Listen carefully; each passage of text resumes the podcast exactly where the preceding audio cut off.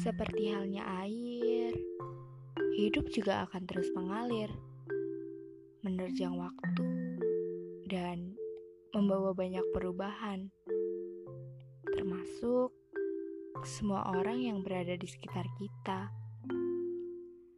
Secara tidak langsung, mungkin ada beberapa dari mereka yang kini telah menjauh, pergi, atau bahkan semakin dekat. Seperti kata pepatah, yang datang pasti akan pergi. Ada saatnya bahagia, ataupun tergores sebuah luka. Dan kini suaraku telah kamu dengar, walaupun kamu belum tahu siapa pemilik nama di balik suara yang rasanya sedikit tak enak didengar. Aku, Zulfa, seorang gadis yang sangat tertutup dengan dunia luar yang dilakukan setiap hari hanya mengurung diri dalam kamar, membuka medsos, sambil rebahan. Di podcast ini, aku hanya ingin berbagi cerita tentang kisah horor yang aku alami dan mungkin sedikit mencurahkan keluh kesah tentang hidupku yang kurang beruntung atau kurang bersyukur. Entahlah. Lingkup pertemananku tak seluas hamparan pasir di gurun Sahara. Dari kelas 1 SMA sampai sekarang mau lulus ya, temannya itu-itu aja. Menurutku bukan masalah jika aku tak mempunyai teman banyak. Karena yang terpenting adalah ketika kita mempunyai sedikit teman, namun mereka selalu ada dan mau membantu kita untuk bangkit dan bisa menerima kita apa adanya. Kehidupanku juga semakin datar saat SMA. Keluargaku memutuskan pindah keluar kota dan aku yang introvert diharuskan untuk beradaptasi dengan lingkungan baru, bertemu orang-orang baru, dan tentunya bertemu dia, dia yang hanya meninggalkan luka. Ya, seperti halnya remaja labil di luar sana. Kisah percintaanku sampai sekarang tidak pernah berjalan mulus. Hanya berujung perpisahan dan membekas sebagai luka.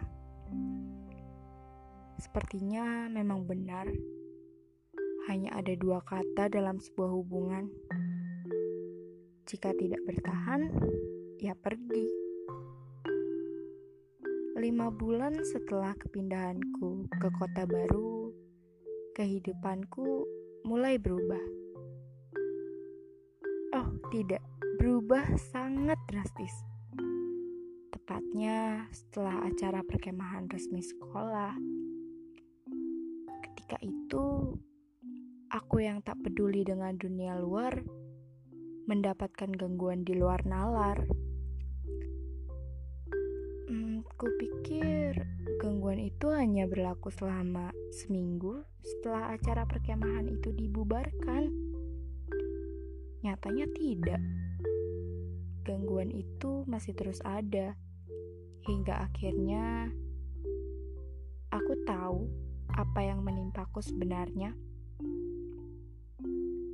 Karena hal itu pula, aku menjadi semakin tertutup dengan dunia luar. Sangat tertutup. Apalagi ketika aku dinobatkan sebagai anak teraneh dan menyeramkan di sekolah. Tak ada yang berani dekat-dekat denganku. Karena mereka bilang tatapanku aneh. Seperti tatapan hantu. Aduh, maaf ya. Jadi curhat puter-puter gak jelas gini.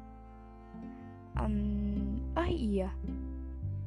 Aku juga bisa loh menjadi narah hubung untuk kalian mencurahkan isi hati ketika kalian sedang sedih, bahagia, atau bercerita tentang hal mistis yang kalian alami.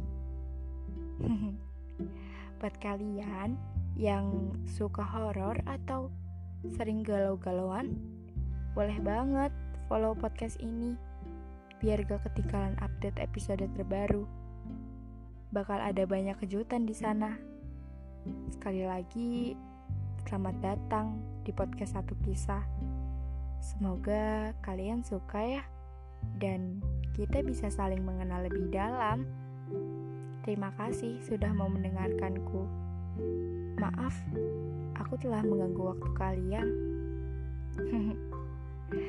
Sekali lagi, terima kasih. Sampai jumpa di episode selanjutnya. Salam, Zulfa.